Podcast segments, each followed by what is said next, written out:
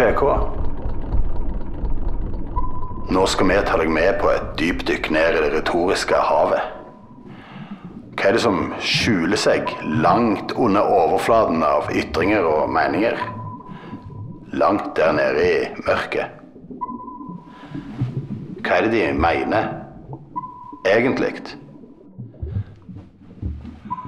I denne episoden skal vi snakke om hvordan vi kan takle varslere.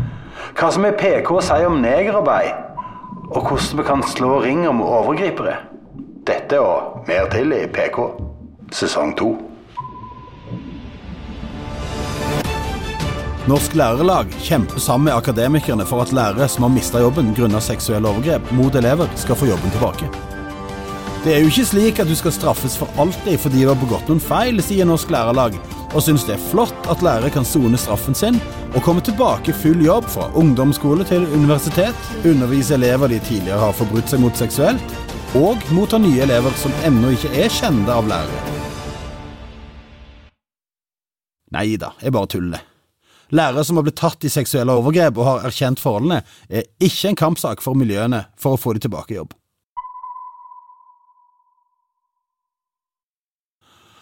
I forrige sesong snakket vi om neger, og forklarte når og hvor det var lov å bruke dette ordet. Det er selvsagt lov å si neger, for eksempel når du er rasist og ønsker å rakke ned på mennesker med en annen hudfarge. Det er òg fint om du ønsker å være uklar, halvrasistisk eller ikke ønsker å ta avstand fra rasisme. Noen mener at mennesker med mørk hud kan kalle seg sjøl og hverandre for neger, for så å definere sin egen eksistens på en måte. Eller hvis du bor i Sør-Afrika for 30 år siden, da er det selvsagt lov. Eller i USA for 100 år siden. Eller delta på en ironisk fest der ingen helt vet hvem som mener hva de sier.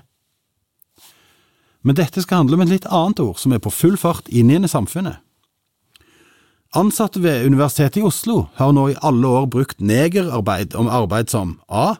er enkelt og kjedelig, og b. utføres av mennesker med mørk hudfarge. Jeg som kommer fra bygda, kjenner jo godt til begrepet negerarbeid, sånn vi brukte det på 70- og 80-tallet.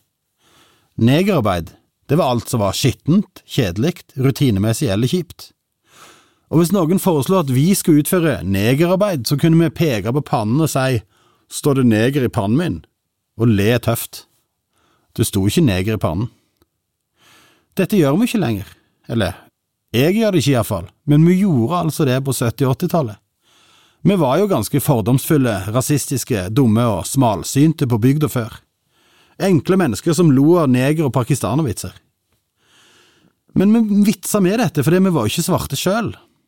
Og jeg tror helt oppriktig ikke at selv om vi var ganske smale på mange vis, ville vi aldri ha brukt ordet negerarbeid om noe som ble utført av noen med mørk farge på huden. Iallfall ikke mange av oss.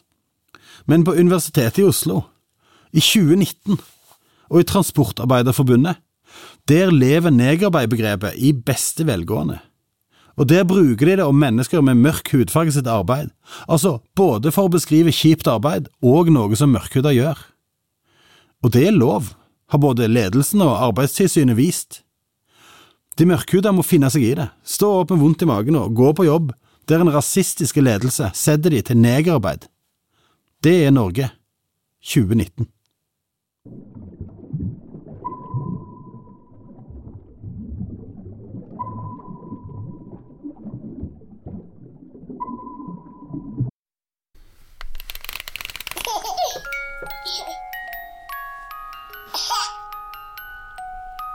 Siv Jensen var på dags for å snakke om regjeringens kamp mot fattigdom, og gjentok flere ganger at problemet er at barn vokser opp i fattige familier, eller lavinntektsfamilier som det heter nå.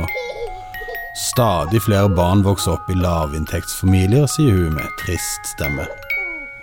Og på den måten så skyver hun problemet dit det hører hjemme, og kommer med en løsning implisitt, en dobbel forskyvning, altså. Det er bra jobba. Altså, det skal være helt klart at for denne regjeringen er det ikke et problem at forskjellene øker. De er jo bare de rike rikere. Og når du nå hører hvorfor, så kanskje blir du enig du òg. Ved å gjøre det verre for lavinntektsmennesker å få hus, barn og fast jobb, så vil de sannsynligvis få færre barn. Da er det færre barn som vokser opp i lavinntektsfamilier, som igjen får færre barn, som igjen verre levekår.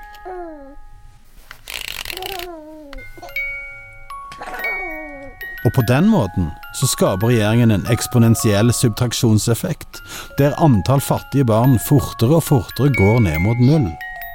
Og på den måten har vi utryddet antall fattige i Norge på den tiden det tar å fjerne den siste trygda fra et Nav som blir bedre og bedre til å kutte budsjettene. Og på den andre sida De rike får det jo bedre og bedre. Og på den måten lager de flere barn, som så igjen oppveier for de fattige. En motsatt spiral der, altså, der overklassen vokser seg ut av Skillebekk, Frogner, Egenes og Øvre Singsaker. Bare se på Tøyenløftet. En bydel i Oslo som tradisjonelt har vært oversvømt av lavinntektsfamilier. Nå blir det færre og færre av de, og flere og flere velstående hvite har flytta inn. Sa jeg hvite? Ja, jeg sa hvite. Så hva har vi om 50 år? En eneste stor og deilig, rik og hvit overklasse som svømmer i skattelette og Tesla over hele landet. Ingen barn som vokser opp i fattigdom. Bare rike barn på private skoler som har hver sin au pair, hver sin hushjelp og sjåfør til å frakte dem mellom skole, hjem, tennis og fest. Tjenerskapet, ja, de er jo gjestearbeidere. Vi skal ikke ha fattige i Norge. Og uansett så får ikke de ha barn.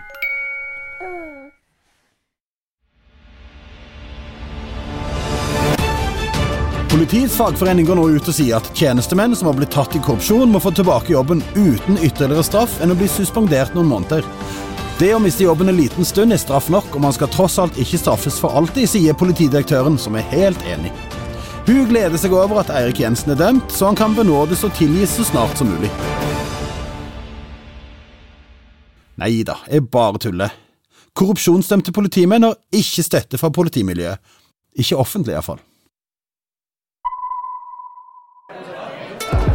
Ja, kjære partifeller. Nå har vi kommet på, til den punkten i programmet der vi skal ha underhållning. Og det er bandet MeToos som skal framføre en låt om det å være ung tillitsvalt idag. Varsågod, MeToos! Klart?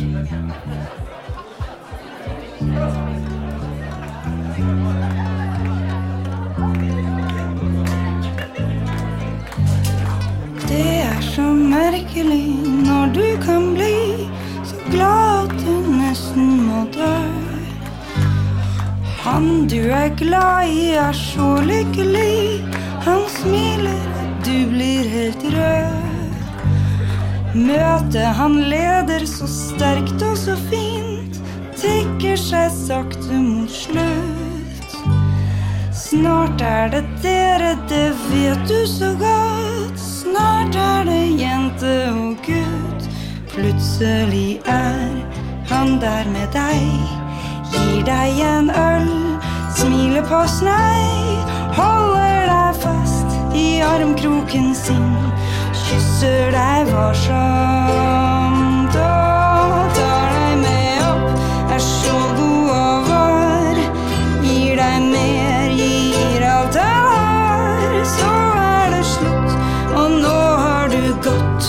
langt inn i mørket.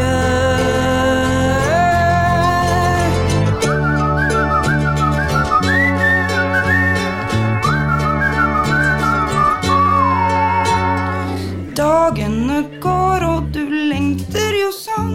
Han ser ikke lenger på deg.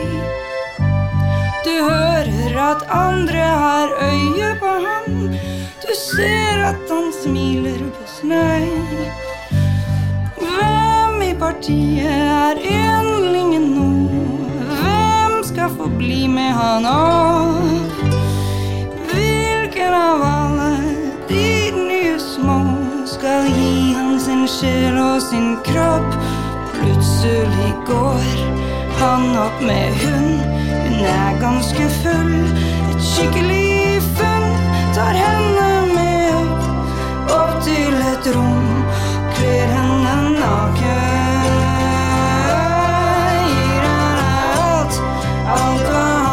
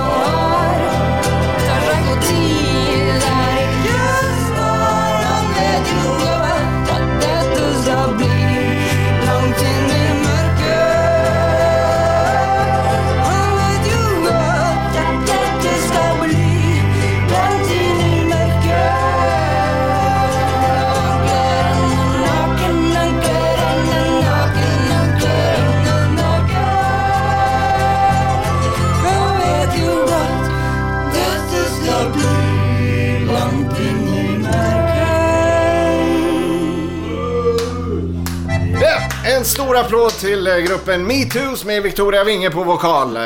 Og nu är baren öppen för allihopa!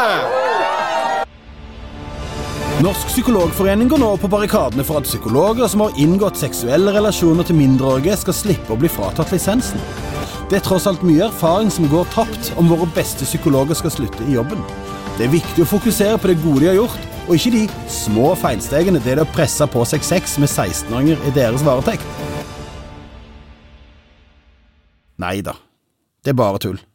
Psykologer som presser seg på sex barn, er ikke en kampsak for Psykologforeningen.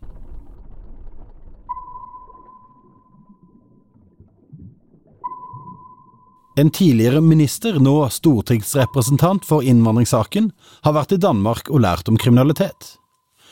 Hun fremholder at de som gjør kriminelle handlinger i belasta bydeler, skal burde kunne straffes hardere enn de som gjør kriminelle handlinger f.eks. på Holmenkollen, i Bærum eller Frogner.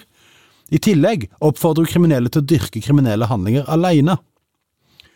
En som har fulgt oppfordringen til Sylvi, er en tydelig amatør som nå flere ganger har malt på huset og prøvd å tenne fyr på bilen til justisministeren. Dette er ett av eksemplene på en som da vil få lavere straff om Listhaug får det som hun vil. Og det samme gjelder selvfølgelig for villainnbrudd istedenfor innbrudd i rekkehus, Tesla-tyveri istedenfor å stjele en billig Ford, og barneran på Nordstrand istedenfor på Tøyen. På den måten sikrer vi at de kriminelle blir oppmuntret til å tjene mer, samtidig som de kvitter seg med kriminelle venner og uvaner, og på den måten jobber seg ut av fattigdommen én Tesla om gangen.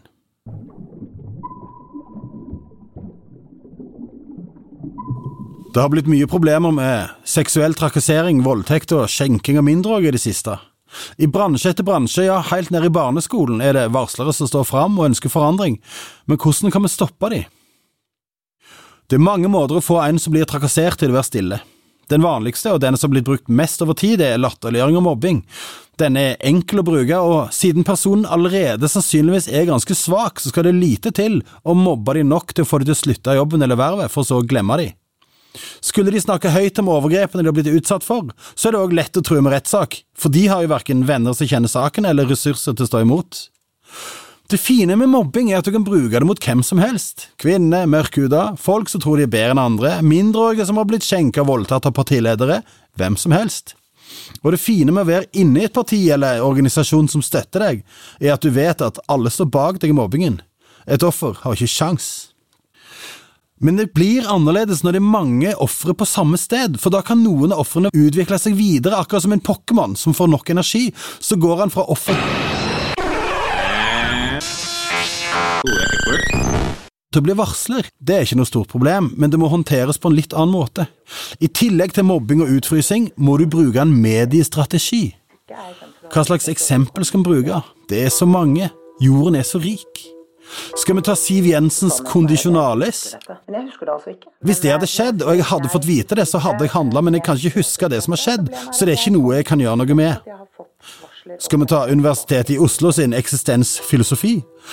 Vi vet at det skjer, men det burde det ikke, så vi kan ikke uttale oss om personalsaker som vi ikke synes burde finnes. Nei. Nå skal vi ta en blame game med en liten switch. Fill your hand, you son of a bitch! Give my regards to King Tut, asshole. Altså, en vanlig blame game er at noen får skylda og må bære konsekvensene av en handling.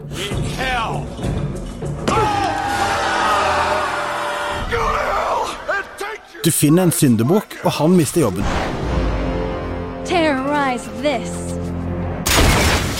Men med en switch så kan du legge konsekvensene hos andre. La oss først se om du skjønner hvilket parti vi snakker om. Dette er et parti som forsvarer og opprettholder en kultur der mindreårige er med på fest og får alkohol av eldre tillitsvalgte. Det er et parti der unge tillitsvalgte har stått fram med historier om seksuelt press, der de er forventet å ligge med eldre i fylla. Det er et parti som har mobba og frossa ut ofre for trakassering og slått ring om overgripere og pedofile. Jeg vet det. Det er vanskelig. Det er så mange partier de kan passe på. Denne gangen skal vi helt tilfeldigvis til Høyre. Og det er helt tilfeldig, det kunne vært mange andre. Høyre sier hva som har skjedd. Og sier at de er veldig, veldig lei seg. De kan nesten ikke tro at det er sant. En av de tillitsvalgte i Høyre har i lang tid forsynt seg av småjenter på leir, både i sitt og andre partier. Sjekka til høyre og venstre, kan du si. Pågående sjekking i fylla her, altså. Hvor mange han har ligget med, vet vi ikke, men vi vet at mange har meldt fra. Særlig den 16-åringen som han skulle passe på i fylla, og endte opp under han, viser hvor grovt det er. Det er ikke voldtekt, da, for han har ikke brukt vold eller trusler. Men vi sier at vi er lei oss. Så, så er det sånn at vi har som ledere alle ansvar for, eh, eh, for å sikre partiene våre tar jobber på en god måte. Vi sier at vi gråter og ryster og kan nesten ikke tro det er sant, eller at det kan skje i vårt parti eller andre. Vi sier at det er uhørt, at det er mot alt vi står for, at de unge skal beskyttes. Vi legger all skylda på overgriperen og sier at han skal miste tillitsvervet sitt. Det høres bra ut. Vi skjønner jo at det er vanskelig for de nå litt eldre kvinnene som har opplevd denne mannen, å ha han der hvis de skal fortsette i politikken. Eh, Trine sin sak er annerledes, men det påvirker selvfølgelig arbeidet. Men samtidig så må vi være opptatt av det som er hovedprosjektet vårt akkurat nå. Det er å lage en ny regjering. Og så kommer switchen. Istedenfor å skifte ut ledelsen, som har visst om praksisen, be ofrene om å komme tilbake til partiet og bygge opp tilliten igjen, så legger de sympatien tilbake til overgriperen. Det er han det er synd på. Det er han som skal tilbake i politikken. For nå har han liksom gjort opp for seg. Han har lidd. Han skal ikke straffes for evig. Og han må jo få plassen han har fortjent etter lang tids tjeneste. På den måten gir du en varsler klar beskjed. Du kan ikke røre oss. Vi støtter hverandre. Hensynet til de som har varslet inn eh, situasjonen for dem, at den må tas på alvor. Eh, Og på samme måten som mobbing har det en klar maktbase, som ikke rokker seg av at en eller annen ung dame ikke tåler litt sex, med eller uten samtykke. Og dessuten så er det ikke voldtekt i Norge hvis du ikke bruker vold eller trusler. Og ikke alltid da engang. Og en oppdatert av at vi nå må eh, komme videre og drive politisk arbeid. Norske toppolitikere slår nå ring om hverandre og sier det må være nok at seksuelle overgrep har blitt kjent. Ingen skal miste jobben av den grunn. De har bred støtte i partiorganisasjonene, og det er tverrpolitisk enighet om at det skal være lett å komme tilbake i politikken etter seksuelle overgrep mot mindreårige under påvirkning av alkohol. Den verste straffen må være å bli suspendert fra et verv en liten stund, eventuelt sitte som ordfører i en utkantkommune. Jeg tuller ikke. Det er faen meg sant.